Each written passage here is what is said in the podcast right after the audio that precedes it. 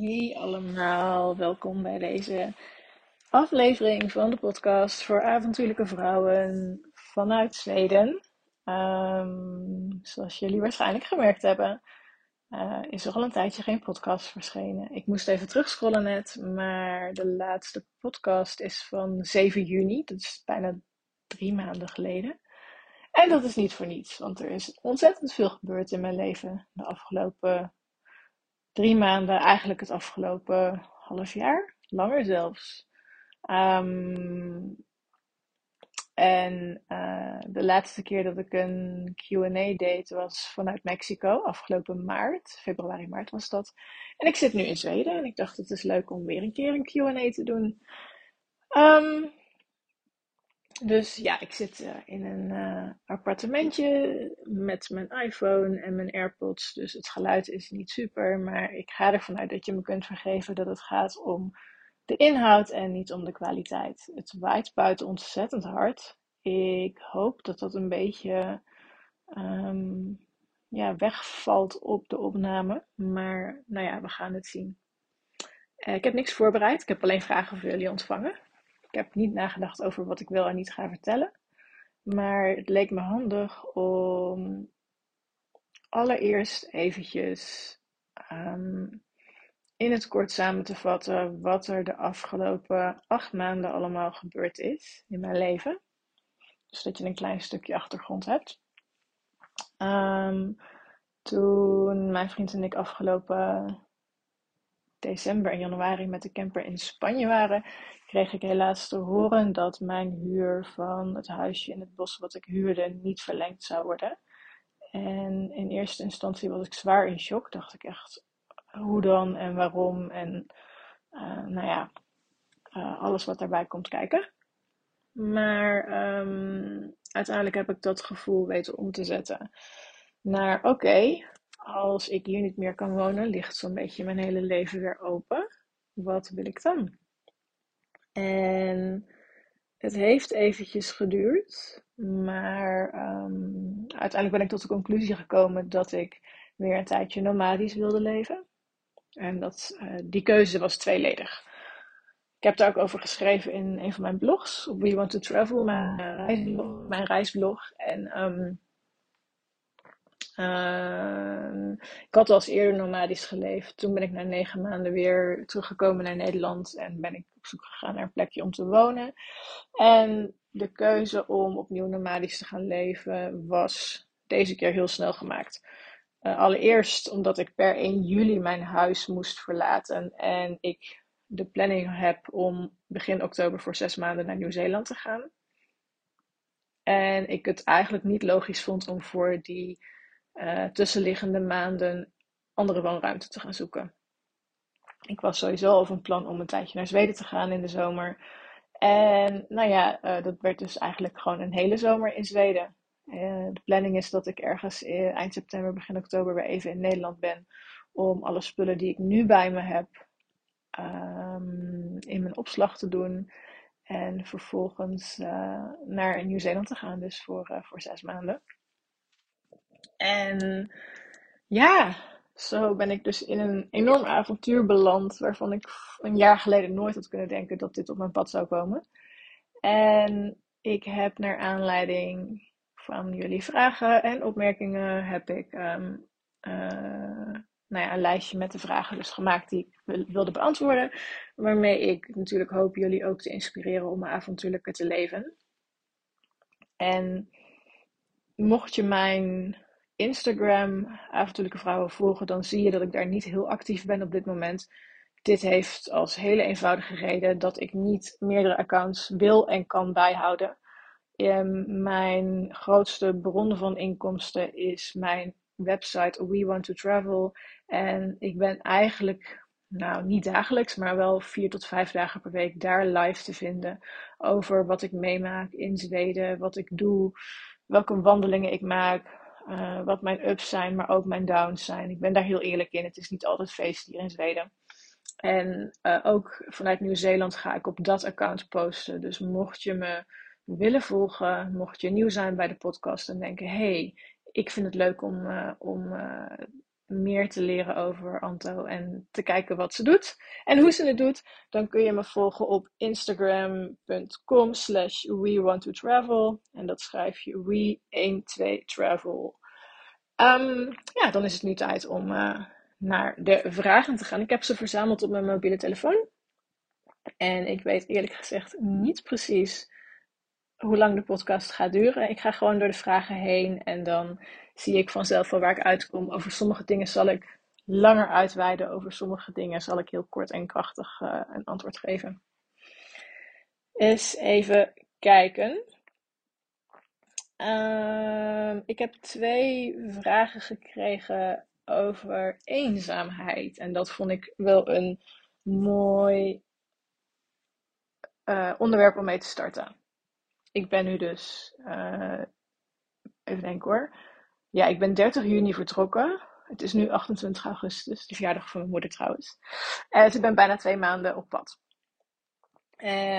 waarvan ik denk acht weken in Zweden, zeven weken. Nee, feitelijk zes weken in Zweden, één week Noorwegen. En daarvoor was ik ongeveer tien dagen in Oostenrijk. En de vragen die ik kreeg, even kijken, zijn van. Oh, mijn scherm is weggesprongen. Henriette, hoe ervaar je eenzaamheid? Hoe gaat het weer over? Of wat doe je om het over te laten gaan? En van Hans, als ik me niet vergis, is je echte naam. Voormalige buurvrouw, buur, sorry, buurvrouw, jeetje. Sorry Hans, buurman van uh, mijn zusje. Wat doe je tegen de eenzaamheid als alles even tegenzit? En daar heb ik wel over nagedacht. Want de meest gestelde vraag aan mij is: ben je nooit eenzaam? En de eerste paar weken ging alles goed. Alles zat mee en ik had het vreselijk naar mijn zin en voelde me helemaal happy, de peppy, dat ik gewoon zo vrij als een vogel was. Maar ja, net zoals in het echte leven, om het zo maar even te noemen, uh, komen er op een gegeven moment tegenslagen. En komen er momenten waarop je even minder happy bent en waarop je ineens realiseert dat je heel ver van huis weg bent en in je eentje bent. En ik moet zeggen dat. Um, even denken of ik dit kan vertellen of niet. Ja, kan wel. Ik doe heel graag dingen in mijn eentje. Dat is eigenlijk altijd al zo geweest. Alleen uh, toen ik een relatie had van 16 jaar, kwam ik daar maar heel weinig aan toe. Ik had toen echt een relatie waarbij ik met mijn toenmalige vriend heel veel samen deed. Ik werkte 40 uur per week voor een reisorganisatie. Ik werkte 20 tot 30 uur per week aan mijn blog. En de vrije tijd die ik had, brachten we samen door. Um, de relatie die ik daarna kreeg, was heel anders. Uh, hij heeft altijd tegen mij gezegd: Ik hou heel erg van alleen zijn en ik heb ook alleen tijd nodig. En ik kwam er toen eigenlijk achter dat ik alleen zijn ook gewoon heel fijn vind. Ik kan me prima in mijn eentje vermaken. Ik lees graag boekjes. Ik doe een beetje scrollen op internet. Niet te veel trouwens. Ik vind het verschrikkelijk als ik in een restaurant zit en ik zie mensen alleen maar zitten scrollen op hun mobiel. Daar word ik echt chagrijnig van. Want, nou ja, dat maakt ook trouwens niet uit. Heb ik ook een uh, vraag over beantwoord in de podcast over Mexico trouwens. Over het scrollen op je mobiel als je in een restaurant zit. In je eentje. Maar anyway, ik, ik dwaal af. Um, de afgelopen anderhalf jaar heb ik noodgedwongen heel veel dingen alleen gedaan. En ik zeg noodgedwongen omdat, nou ja, het was de coronatijd, dat ten eerste. Maar ten tweede, en dat kan ik nu eindelijk zeggen. Dat kon ik eerder niet zeggen. Maar um, mijn vriend is behoorlijk ziek geweest. En ik ga niet zelf uitwijten over hoe en wat. Dat kunnen jullie in zijn eigen podcast terug luisteren. Uh, zijn podcast heet De Heldenreis. En hij heeft een, uh, onlangs een, een podcast um, gereleased waarin hij vertelt over waarom hij anderhalf jaar lang afwezig is geweest. Um, maar goed, hij was dus ziek en daardoor heb ik ja, dus min of meer noodgedwongen het afgelopen anderhalf jaar ook heel veel alleen gedaan. En als wij bijvoorbeeld samen een weekendje weg waren, ging ik alsnog alleen op pad, omdat hij gewoon niet mee kon, omdat hij ziek was. En daardoor heb ik nog meer um, de kunst ontdekt van het alleen zijn en het in mijn eentje genieten van dingen. Uh, de reden dat hij niet in Zweden is, is simpelweg ook gewoon omdat er, uh, hij heeft niet kunnen werken de afgelopen anderhalf jaar of nauwelijks. En hij dus niet kon sparen om deze reis met mij mee te gaan. Um, voor iedereen die zich afvroeg waarom ik hier alleen ben, dat is dus het antwoord. Um, even terug naar die eenzaamheid. Ik heb dus heel erg goed geleerd om alleen te kunnen zijn. En me daar ook happy mee te voelen. Maar betekent dat dat ik altijd happy ben in mijn eentje? Nee, want in Nederland ben ik dat ook niet. Um, ik heb een aantal tools ontwikkeld, een aantal ja, regels voor mezelf. Ja, regels klinkt wel heel streng, maar een aantal handvaten die ik oppak op het moment dat ik me eenzaam dreig te gaan voelen. Want eenzaam voelen op reis is natuurlijk niet leuk. Um, maar ik denk dat we er allemaal wel een keer mee te maken krijgen. En het meest interessante wat ik dan doe als ik me eenzaam dreig te voelen, is denken van oké, is dit echt eenzaamheid? Of komt dit voort uit andere dingen die verkeerd gaan? Of andere dingen die even niet lopen zoals ik het gepland had? En 9 van de 10 keer is het dat laatste. 9 van de 10 keer is het moment dat ik mij eenzaam voel. Het moment waarop nou ja, ik naar een politiebureau moet om een aangifte te doen. Ik klem zit tussen de deuren van de Burger King in mijn eentje op zaterdagavond. Ik um, een hele dag door de regen loop en het koud heb. Ik geen verbinding kan maken met thuis. Um, of als ik de telefoon ophang, kan ik me soms even heel alleen en ver weg voelen. Maar eigenlijk komt het altijd voort uit iets wat er anders wat er aan de hand is. En ik merk wat voor mij heel goed werkt als ik, als ik me zo voel, is eraan toegeven. Want als er iets is geleerd, iets, iets is wat ik de afgelopen jaren geleerd heb met behulp van diverse psychologen, therapeuten en coaches. Ik ben altijd um, bij de afgelopen vijf jaar, geloof ik al, vier jaar, ben ik altijd of bij een psycholoog of een therapeut of een coach om mij verder te helpen in het leven. Ik vind het heel belangrijk om mezelf te blijven ontwikkelen en um, de ruwe randjes er steeds verder vanaf te schaven bij mezelf. En nou ja, wat er eigenlijk altijd naar voren kwam is, maar je mag het gevoel er ook even laten zijn. Vanuit vroeger heb ik helemaal niet geleerd om uh, een rot gevoel er te laten zijn. Alles moest in mijn familie altijd weggestopt worden, want er mocht niet gehuild worden en er was geen plek voor verdriet en er was geen plek voor uh, emotie. We moesten altijd, of we werden altijd geacht om, om leuk te doen. En dat, uh, dat is nou eenmaal hoe het gelopen is, maar dat is natuurlijk niet hoe het werkt in het leven. Lang verhaal kort. Als ik me eenzaam voel of als ik me rot voel, dan mag ik mezelf 24 uur de tijd geven om het er te laten zijn. En 9 van de 10 keer komt het gevoel zo'n beetje smiddags, avond op ik ben echt een ochtendmens. Ik ben niet op mijn best in de avond. En ik weet dat op het moment dat ik ga slapen uh, en ik de volgende ochtend wakker word, het gevoel eigenlijk heel vaak alweer over is. Is dat niet het geval? Dan weet ik, oké, er is iets anders aan de hand. En dan zijn er een aantal dingen die ik doe om mezelf weer op te peppen. Een daarvan is uh, mijn ochtendroutine herpakken. Uh, mediteren, yoga doen, uh, boekje lezen over persoonlijke ontwikkeling, een podcast daarover luisteren, journalen, um, echt even tijd nemen voor reflectie. Wat is er aan de hand? Even zijn, even voelen en niet gaan haasten. Um, andere dingen die ik doe om mezelf fysiek beter in orde te krijgen, wat ook tot gevolg heeft dat ik me mentaal beter voel, is gezond eten, veel water drinken, bewegen en koud afdouchen.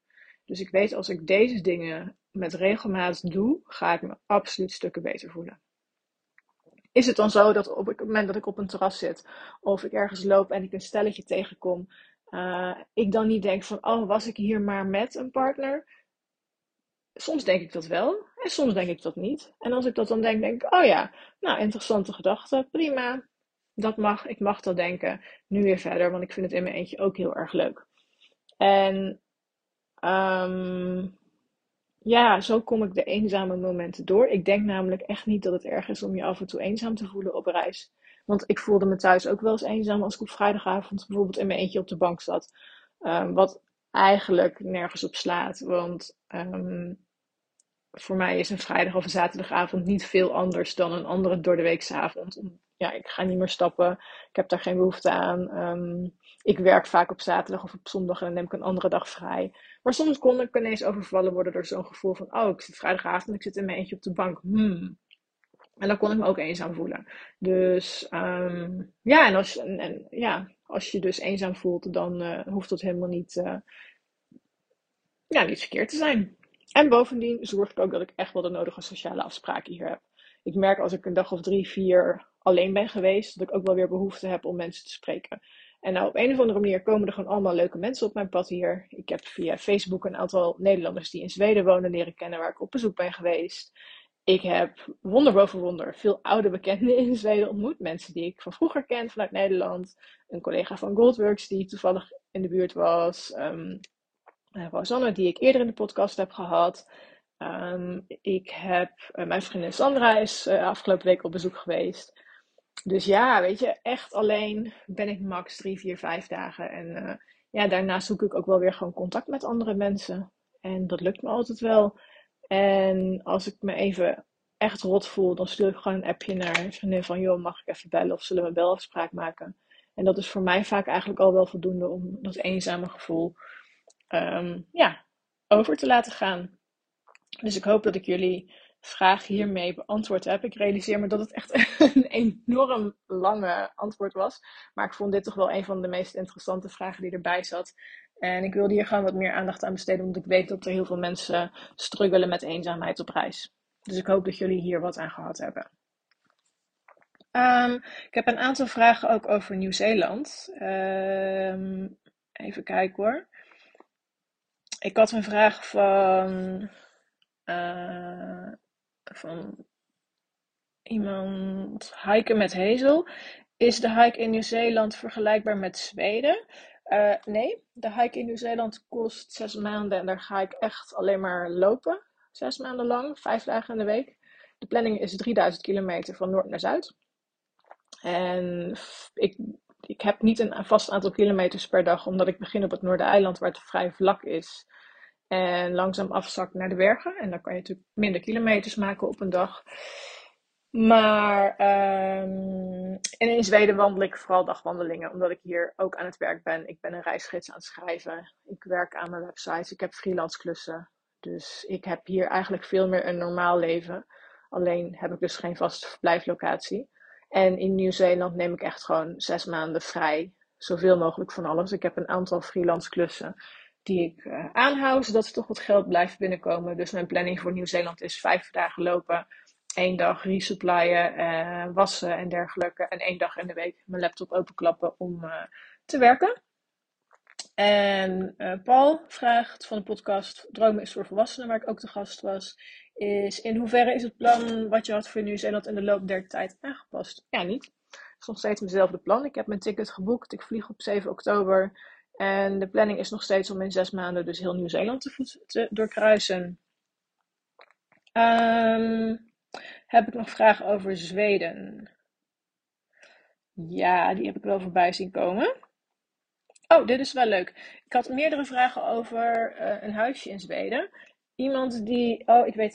De, de naam is Nelson. Son, nou ja, iets van Nelson. Elsonne. Zoiets. Ik weet je echte naam niet. Jij vraagt: droom je wel eens over je eigen huisje in Zweden? En Linda vraagt: Ben je ook op huisjacht naast het werken en wandelen? En... Ja, nee, ik ben niet op huisjacht. Ik weet wel dat ik in de toekomst een huisje in Zweden wil gaan kopen. Maar dit jaar even niet. Uh, hele simpele reden daarvoor is dat, uh, zoals ik misschien wel eens heb gezegd, is, um, is mijn oom inmiddels anderhalf jaar geleden overleden. En ik heb zijn erfenis afgehandeld. Of zijn, zijn hele nalatenschap. En het huis dat we moesten verkopen is inmiddels verkocht. En uh, het geld wat daaruit vrijkomt voor alle 16 neven en nichten.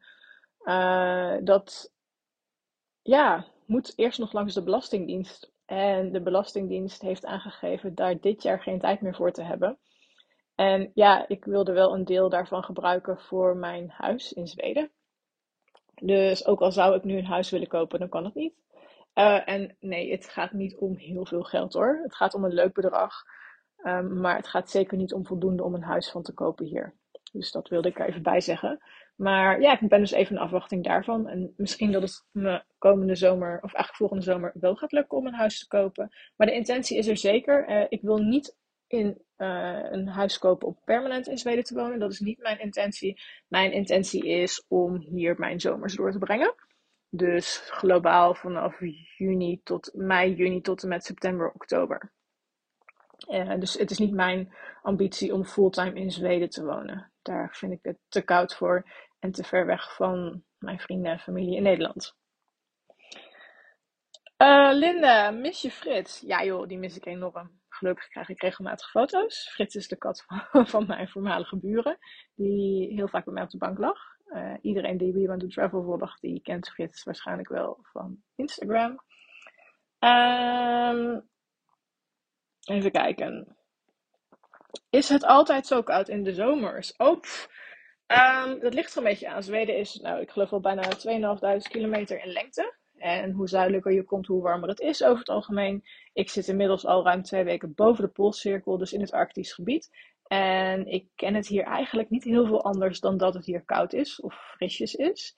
Inmiddels is het ook herfst aan het worden. Ik zit echt tegen de oranje gekleurde bladeren aan te kijken. En het is 13 graden. Uh, het heeft nog net niet gevroren s'nachts, maar het gaat wel vriezen. In de zomer kan het in het zuiden van Zweden echt lekker warm zijn. Ik heb twee dagen gehad waarop het 25 tot 30 graden was. En dat was echt heerlijk.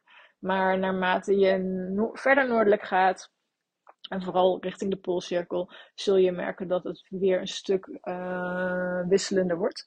Dus ja, je kunt gewoon 15 graden hebben en wind. Maar vorig jaar had ik zelfs hartje zomer, ik geloof eind juli, 2 graden wind en regen. Dus als je naar het Arctisch gebied of naar Noord-Zweden gaat, moet je je echt voorbereiden op, op alle soorten weer die er bestaan. Oftewel uh, vijf seizoenen in één dag. Um, hoe hou je jezelf positief op dagen dat je je slaapzak niet wilt openritsen en er geen chips is? um, nou ja, dan doe ik eigenlijk al. Dan voel ik me eer, mag ik me eerst mezelf, mezelf eerst een hele avond K voelen. Maar dat gebeurt eigenlijk niet vaak. Ik denk dat het max één, één of twee keer in de maand is. En die ene keer is dan vaak in mijn PMS-fase. En misschien dat ik me daarna nog één keer rot voel. Op het moment dat er allerlei dingen misgaan of dingen anders lopen dan ik had verwacht of, of, of zoiets. Maar nou ja, ook dan geldt dat ik me even gewoon lekker kut mag voelen. En de volgende ochtend trek ik gewoon al mijn, mijn, uh, of trek ik mijn trucendoos open. Dus ga koud afdouchen, gezond eten, veel water drinken. Uh, schrijven, springen, wandelen, buiten zijn. En dan word ik eigenlijk vanzelf wel weer blij. Het leven is te kort om uh, verdrietig te zijn. En ik heb gewoon met behulp van allerlei soorten therapie en coaching de afgelopen vijf jaar gewoon echt wel heel veel tools gekregen en ingezet om um, mijn donkere kant weg te schaven en vooral ook te kijken naar de mooie dingen van het leven. En de leuke dingen, de dingen die ik graag doe en de dingen die mijn leven leuker maken. Dus dat. Um, even kijken. Wat was by far je mooiste moment tot nu toe en waarom? Ook van Linda. Oeh, um, ben ik even stil van. Ik heb zoveel meegemaakt. Ik verbaas me erover hoeveel ik al gezien en gedaan heb. Um, jeetje. Ik vond, de ja, ik vond de afgelopen week met Sandra heel erg leuk. Toen hebben we een roadtrip naar de Noordkaap gemaakt. En het bereiken van de Noordkaap was wel echt een bucketlist dingetje voor mij. Ik haat het woord bucketlist trouwens. Maar ja, feitelijk staat hij al wel 100 jaar op mijn lijst om, om eens te doen. En ik hoor heel vaak van mensen, ja, maar het is maar een punt op de kaart. Klopt, maar de weg ernaartoe, jongens, oh my god, die is me toch een partij prachtig. Komt bij dat we echt fantastisch goed weer hadden uh, voor Noorse begrippen. Dus uh, uh, ja, we hebben gewoon zes dagen lang alleen maar genoten en lekker buiten geweest en lekker gewandeld. Dus het was echt heerlijk. Um, En als ik binnen Zweden kijk, dan even denken hoor. Waar ik ook alweer allemaal geweest ben. Ik heb zoveel gedaan, joh. Niet normaal. Ja, ik heb gewoon een aantal hele toffe wandelingen gemaakt. Ik denk dat, ja, als ik dan toch eentje moet kiezen. Als ik kijk naar de mooiste wandelroutes die ik heb gedaan. Ik heb een klein stukje van de Koensleden gelopen. In Stora Sjöfjallet Nationaal Park. Dat is ehm, net onder de Poolcirkel. Daar was ik vorig jaar ook. En dat was ontzettend slecht weer toen. En dit jaar was het wel goed.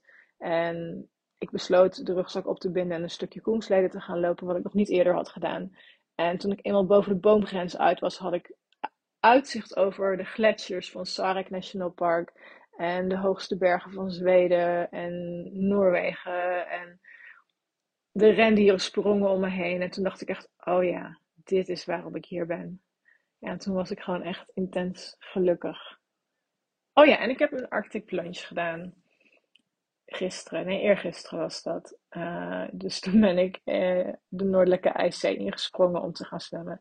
Die foto en video hebben jullie waarschijnlijk wel op mijn Instagram gezien. Vond ik ook echt een heel tof moment. Dan even kijken. Hoe ga je over de drempels? Risico's aanvaarden in plaats van vermijden. En hoe ga je om met tegenslag? Van trilmusketiers. Um,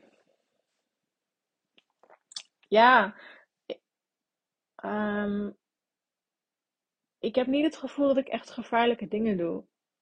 En al mijn risico's zijn ingecalculeerd. Dus op het moment dat ik iets doe wat risicovol is, dan kijk ik wel, vind ik dit een acceptabel risico? Een voorbeeld. Ik slaap veel in mijn auto. Ik heb een budget om ongeveer drie nachten per week in een hotel of in een huisje te slapen. En de rest van de tijd kampeer ik in het wild of ik overnacht bij bekenden. Maar in principe um, slaap ik in mijn auto. Dat kan prima. Ik heb mijn auto zo ingericht dat ik er een fijn, matras heb. Ik heb mijn dekbed van thuis meegenomen. Ik vind het echt heerlijk. Ik ben zelfs vorige week één keer wakker geworden met het idee, ook lig gewoon thuis op, bed. En ik dacht, oh nee, ik heb geen thuis meer. Maar het feit dat ik me dus zo happy voel in die auto, dat zegt wel wat. Maar um, in Göteborg was ik op zoek naar een kampeerplek. Ik ging toen met een vriendin uit eten. Zij woont in het hartje van de stad. En ze zei: Ja, je kan ook bij mij komen slapen. Maar op het moment dat jij jouw auto bij mij in de stad moet parkeren, dan betaal je gewoon evenveel parkeergeld als dat je uh, een hotelkamer boekt. Toen dacht ik: Ja, maar ik hoef helemaal niet per se in een hotelkamer te slapen. Dus ik ging op zoek naar een wildkampeerplek. Nou, ik was in april was ik ook bij haar. Toen hebben we rondom de stad mooi gewandeld in een aantal natuurgebieden. Dus ik dacht, nou ja, er zijn natuurgebieden genoeg rondom de stad. En dan kan ik vanaf daar altijd een bus of een uh, tram naar Hartje Stad pakken. En toen ging ik even inlezen over die wildkampeerplekken. En toen zag ik dat er best wel sprake was van criminaliteit s'nachts. Uh, banden die lek gestoken werden van campers, um, overvallen, inbraken in je voertuig. toen dacht ik, ja, maar dat ga ik gewoon niet doen. Dat risico ga ik niet lopen afgezien van het feit dat ik alleen als vrouw reis en mijn auto niet volledig afgesloten is qua zichtbaarheid, kan, kunnen mensen mij zien liggen. Ik heb helemaal geen zin om de volgende ochtend wakker te worden met lek gestoken banden. Of dat ze een poging doen om in te breken en mijn laptop en al mijn waardevolle spullen meenemen. Dus toen heb ik gezegd, nou dat doe ik niet. En dan ben ik net zo lang gaan zoeken tot ik een plek had gevonden die wel uh, ja, gereviewd werd als veilig. Dus ja, dan kijk ik van, goh, wil ik dat risico aangaan? Ja, nee, dat wil ik niet. Dus dan, uh, dus dan doe ik dat niet. Dus eigenlijk geldt voor alle dingen die ik doe, die mogelijk gevaarlijk kunnen zijn, dat ik uh, ja, het risico ja, beoordeel en kijk van, nou, vind ik dit de moeite waard of niet?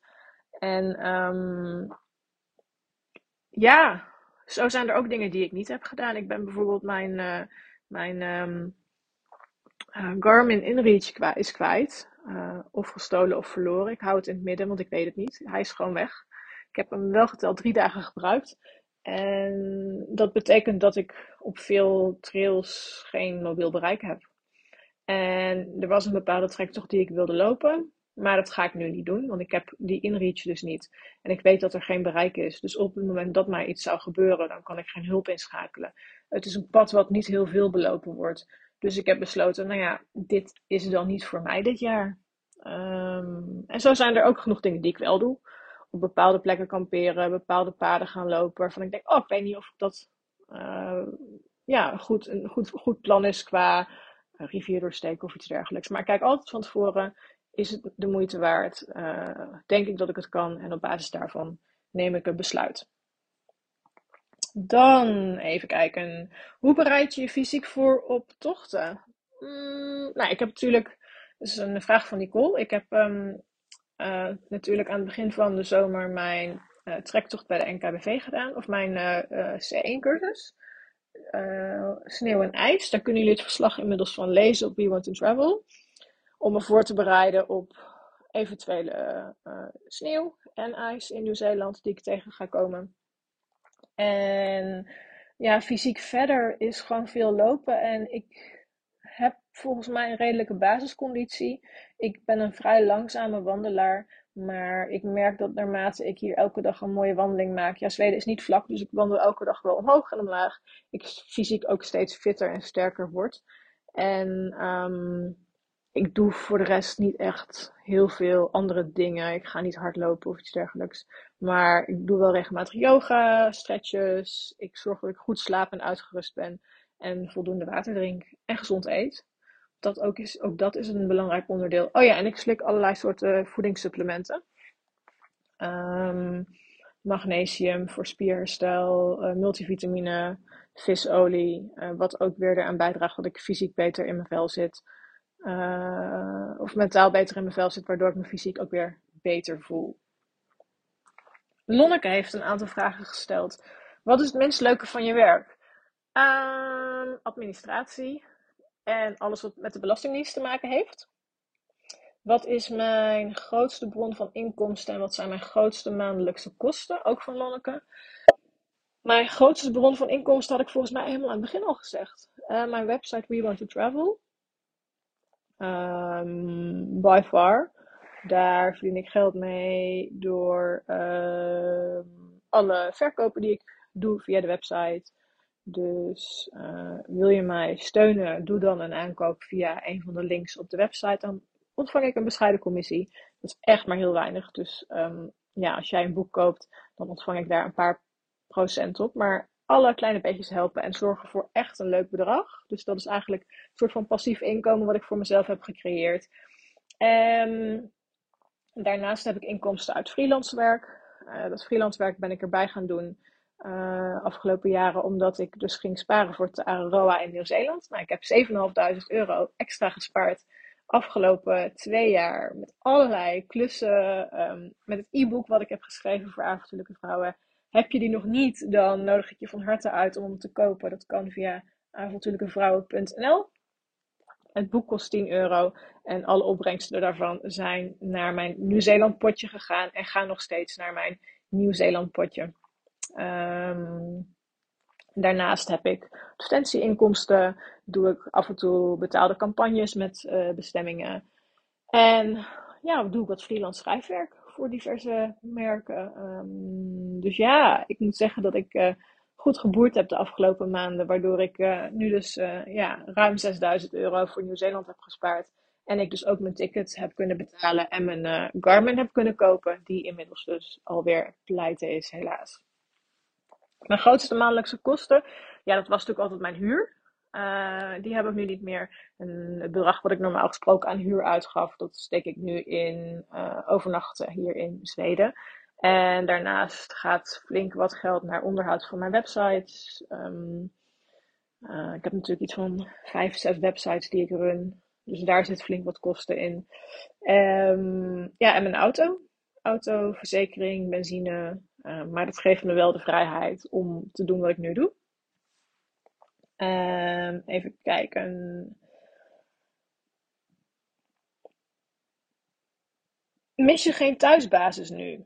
Dat vond ik ook een leuke vraag. Uh, mis ik een thuisbasis? Ja, ik mis een thuisbasis. Daar ben ik echt heel eerlijk in. Daar ga ik niet over liegen. Want dat miste ik de vorige keer dat ik nomadisch leefde ook. En ik wist dat ik dit keer ook weer een thuisbasis zou gaan missen. Nu merk ik dat als ik dat tegen mensen zeg, dat ze dat heel graag voor mij willen oplossen. En dat is natuurlijk wat wij doen als mensen. Als iemand zegt van ja, ik voel me even niet zo happy of ik zit hier en hier mee, dan zijn er maar heel weinig mensen die zeggen, meid, wat vervelend voor je. Maar er zijn heel veel mensen die in de oplossingmodus schieten van, oh, maar je kunt wel bij mij logeren of, oh, maar je vindt wel weer wat. Ja, maar dat is niet de oplossing. Je hoeft me geen oplossing te geven. Feit is dat ik nomadisch leef en een thuisbasis mis. En um, ja, ik kan natuurlijk gewoon een appartement of iets huren wat compleet onlogisch is als het moment dat je bijna negen maanden niet in Nederland bent. Uh, want dan gooi je gewoon elke maand 1000 euro weg. Um, en ik weet dat als ik ervoor had gekozen om de hele zomer in Arnhem in een appartementje te gaan zitten, bij wijze van spreken, of op een galerijflat acht hoog, dat ik daar niet gelukkig van was geworden. En, want op het moment dat ik thuis ben, mis ik het reizen. En op het moment dat ik aan het reizen ben, mis ik een thuisbasis. Dus ik heb inmiddels mezelf erbij neergelegd dat op het moment dat ik reis en ik heb geen thuisbasis, dan mis ik een thuisbasis. En dat is oké. Op het moment dat ik ervoor kies om weer uh, een thuisbasis te vinden, dan kan ik gewoon minder reizen, omdat ik gewoon veel kosten heb thuis. En dan, ja, dan, dan is dat, dat is nou eenmaal zo. En uh, neem niet weg dat ik in de toekomst hoop weer een thuisbasis te vinden in Nederland, mits het überhaupt een beetje betaalbaar gaat worden. Want ja, 1000 euro in de maand vind ik echt bizar. Vind ik, echt, kan daar gewoon niet over uit. Maar goed, het is zoals het is. Um, dus um, ja, soms heb ik het er wel echt moeilijk mee hoor. Dan, dan, dan zit het even tegen en denk oh, ik wil naar huis. En dan denk ik, oh ja, maar ik heb geen huis meer. En dat doe ik dan soms heel nonchalant over. Maar diep in mijn hart is dat wel echt soms even heel pijnlijk en kut en rot. En ik heb het ook met mijn coach wel eens over gehad. Die zegt ook, ja, maar een thuis hebben is een van je basisveiligheden. En die basisveiligheid heb jij nu niet meer. Um, en als ik daarover nadenk, word ik soms wel heel verdrietig. En ik weet bijvoorbeeld, mijn moeder maakt zich daar ook best wel zorgen over. Wat ik ook volledig begrijp. Aan de andere kant heb ik ook het volste vertrouwen dat op het moment dat ik besluit om op 7 oktober niet in het vliegtuig naar Nieuw-Zeeland te stappen, dat ik gewoon binnen een maand iets anders vind om te wonen. Dat is tot nu toe altijd gelukt en ik zie geen reden waarom dat nu niet zou lukken. Um, alleen op dit moment voel ik niet de behoefte om een thuisbasis te hebben in combinatie met mijn reizen. En ik weet inmiddels dat op het moment dat ik op reis ben en nomadisch leef, uh, ik, ik leef een grotendeels mijn droomleven. En ja, de prijzen die ik dan betaal daarvoor is het af en toe missen van een, van een thuisbasis. Um, even kijken wat er nog meer voor vragen waren. Um, hoe bevalt het nomadisch leven tot nu toe en heb je tips en tricks? Um, ja, het bevalt heel goed. Ik moet wel zeggen dat ik me uiteraard weer vergist had in een aantal dingen. As always, net zoals elke keer. Um, dus uh, ja, het valt altijd duurder uit dan gepland. Ik ben niet zo'n enorme budgetteerder en ik ben ook niet iemand die elke avond op instant noodles gaat leven. Sorry als je dat wel doet, maar nee, dat is niet voor mij.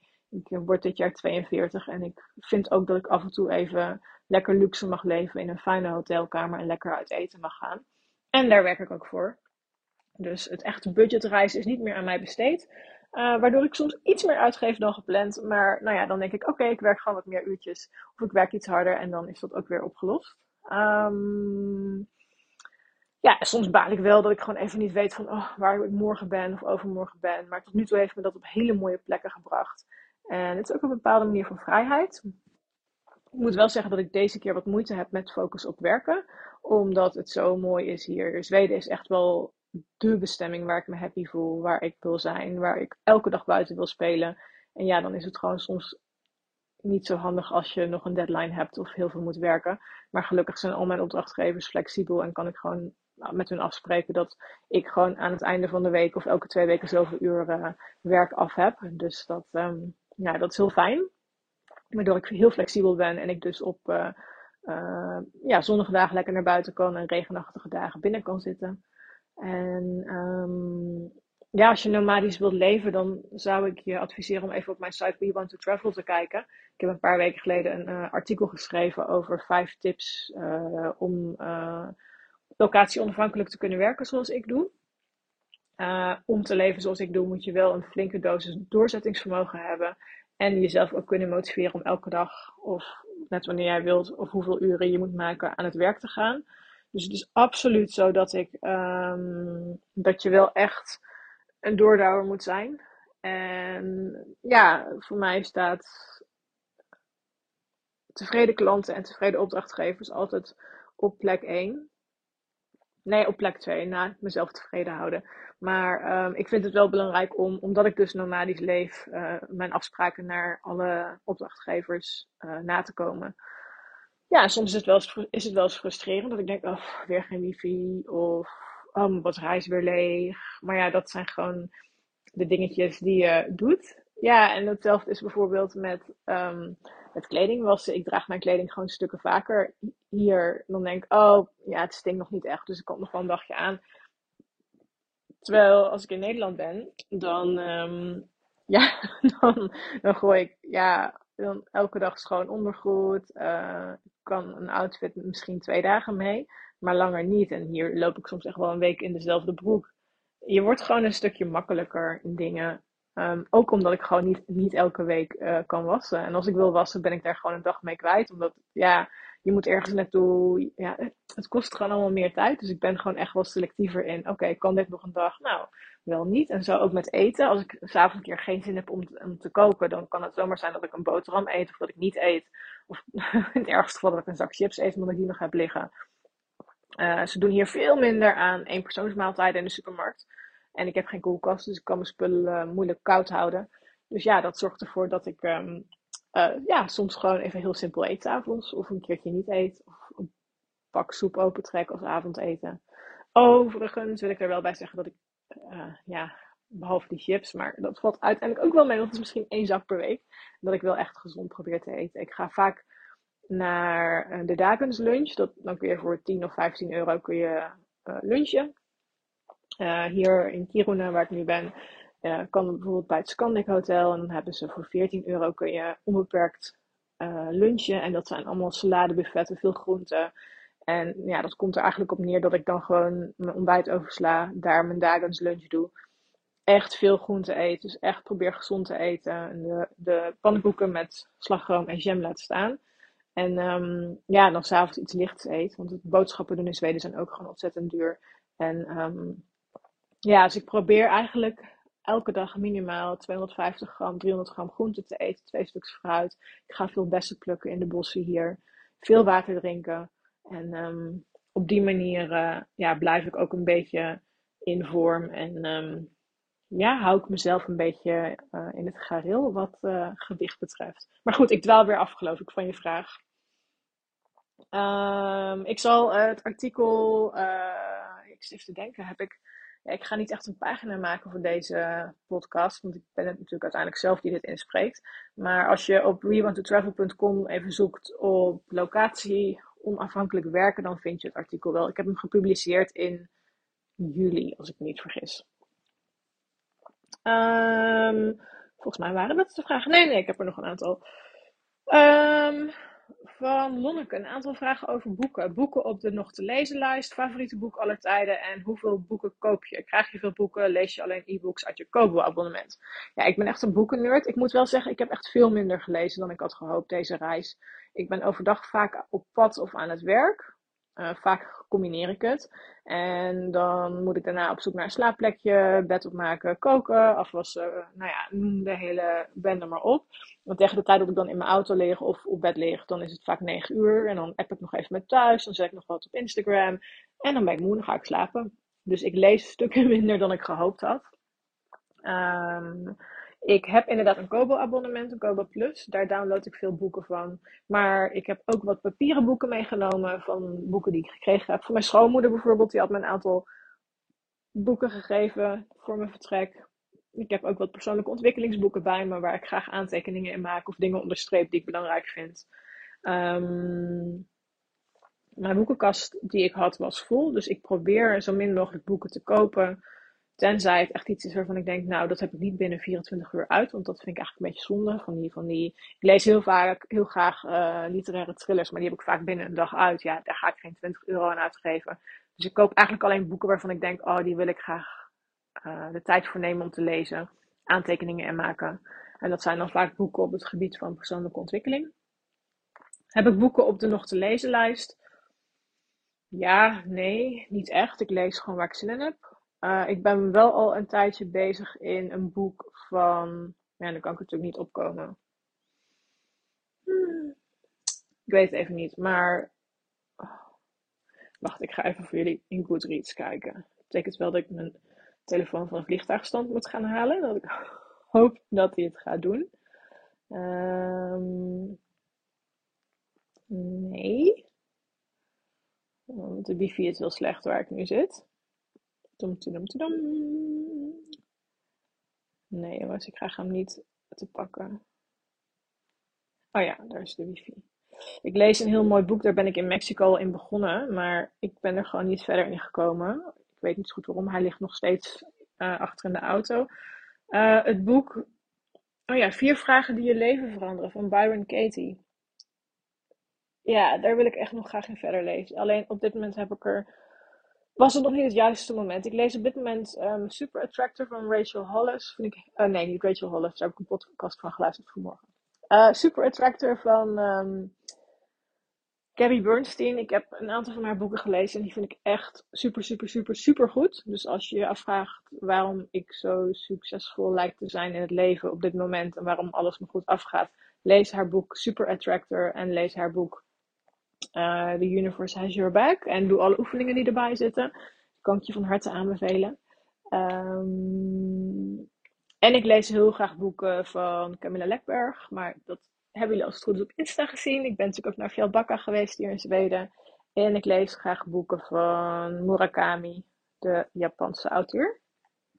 Um, dus volgens mij zijn alle boekenvragen daarmee beantwoord. Um, in mijn favoriete boek alle tijden, die heb ik eigenlijk niet. Ik zou er niet zo eentje kunnen opnoemen, denk ik. Dan zou ik echt in mijn archieven moeten gaan graven. Dus die moet ik je even verschuldigd uh, blijven, Nonneke. Volgens mij waren dat alle vragen. Um, ja, dat waren alle vragen. Jee, ik ben er doorheen. Um, ik ben. Oh jeetje, ik ben 47 minuten aan het opnemen. dat is echt veel. Um, ja, ik ga hem afronden. Dit waren jullie vragen. Uh, ik hoop dat jullie het leuk vonden om uh, hier naar te luisteren. Ik had op de vorige podcast uit Mexico heel veel leuke reacties gekregen. Dus ik hoop dat het, uh, ja, dat het vanuit Zweden ook weer zo is. Ik ben geen coach, geen therapeut, geen expert op persoonlijke ontwikkeling of dat soort zaken. Ik ben er wel veel mee bezig, maar ik verkoop dus niks op dat gebied. Dus alles wat ik je verteld heb is puur mijn eigen mening en uh, wat ik geleerd heb de afgelopen jaren. Um, ik verkoop wel een e-book. in 10 stappen naar een avontuurlijke leven. Um, dat kun je vinden op mijn site avontuurlijkevrouw.nl. En daarmee sponsor je de podcast en mijn uh, Nieuw-Zeeland reis. En, en speciaal voor avontuurlijke vrouwen heb ik een pagina gemaakt met al mijn tips voor favoriete bestemmingen als je avontuurlijker wil leven, wandelen, fietsen, mijn favoriete kleding, tenten, outdoor gear, bestemmingen, websites, noem maar op. Die kun je terugvinden op avontuurlijkevrouw.nl slash tips. Um, ik hoop dat jullie ja, dus genoten hebben van dit verhaal, van deze enorme monoloog. En um, ik weet niet of ik nog podcast ga opnemen voordat ik naar Nieuw-Zeeland ga. Heel eerlijk gezegd is, uh, ik vond mijn laatste podcast vond ik niet heel sterk. Ik merkte dat ik ontzettend druk was, waardoor ik niet de interviewer was die ik uh, graag zou willen zijn. Um, mijn leven is gewoon hectisch op dit moment en ik, um, ik wil niet meer 70 uur in de week werken en dat doe ik ook niet meer, waardoor de podcast even op een laag pitje staat. Um, ik ben op dit moment druk met het schrijven van een reisgids die naar verwachting in maart gepubliceerd wordt. En ja, vanuit Nieuw-Zeeland weet ik ook niet of het me gaat lukken om podcast op te nemen. Maar weet wel dat ik aan jullie denk. Dat ik ontzettend blij ben met jullie support. En nogmaals, je kunt me dus volgen op instagram.com slash travel voor je nagenoeg dagelijkse dosis outdoor en avonturen inspiratie. Dankjewel voor het luisteren en tot de volgende keer.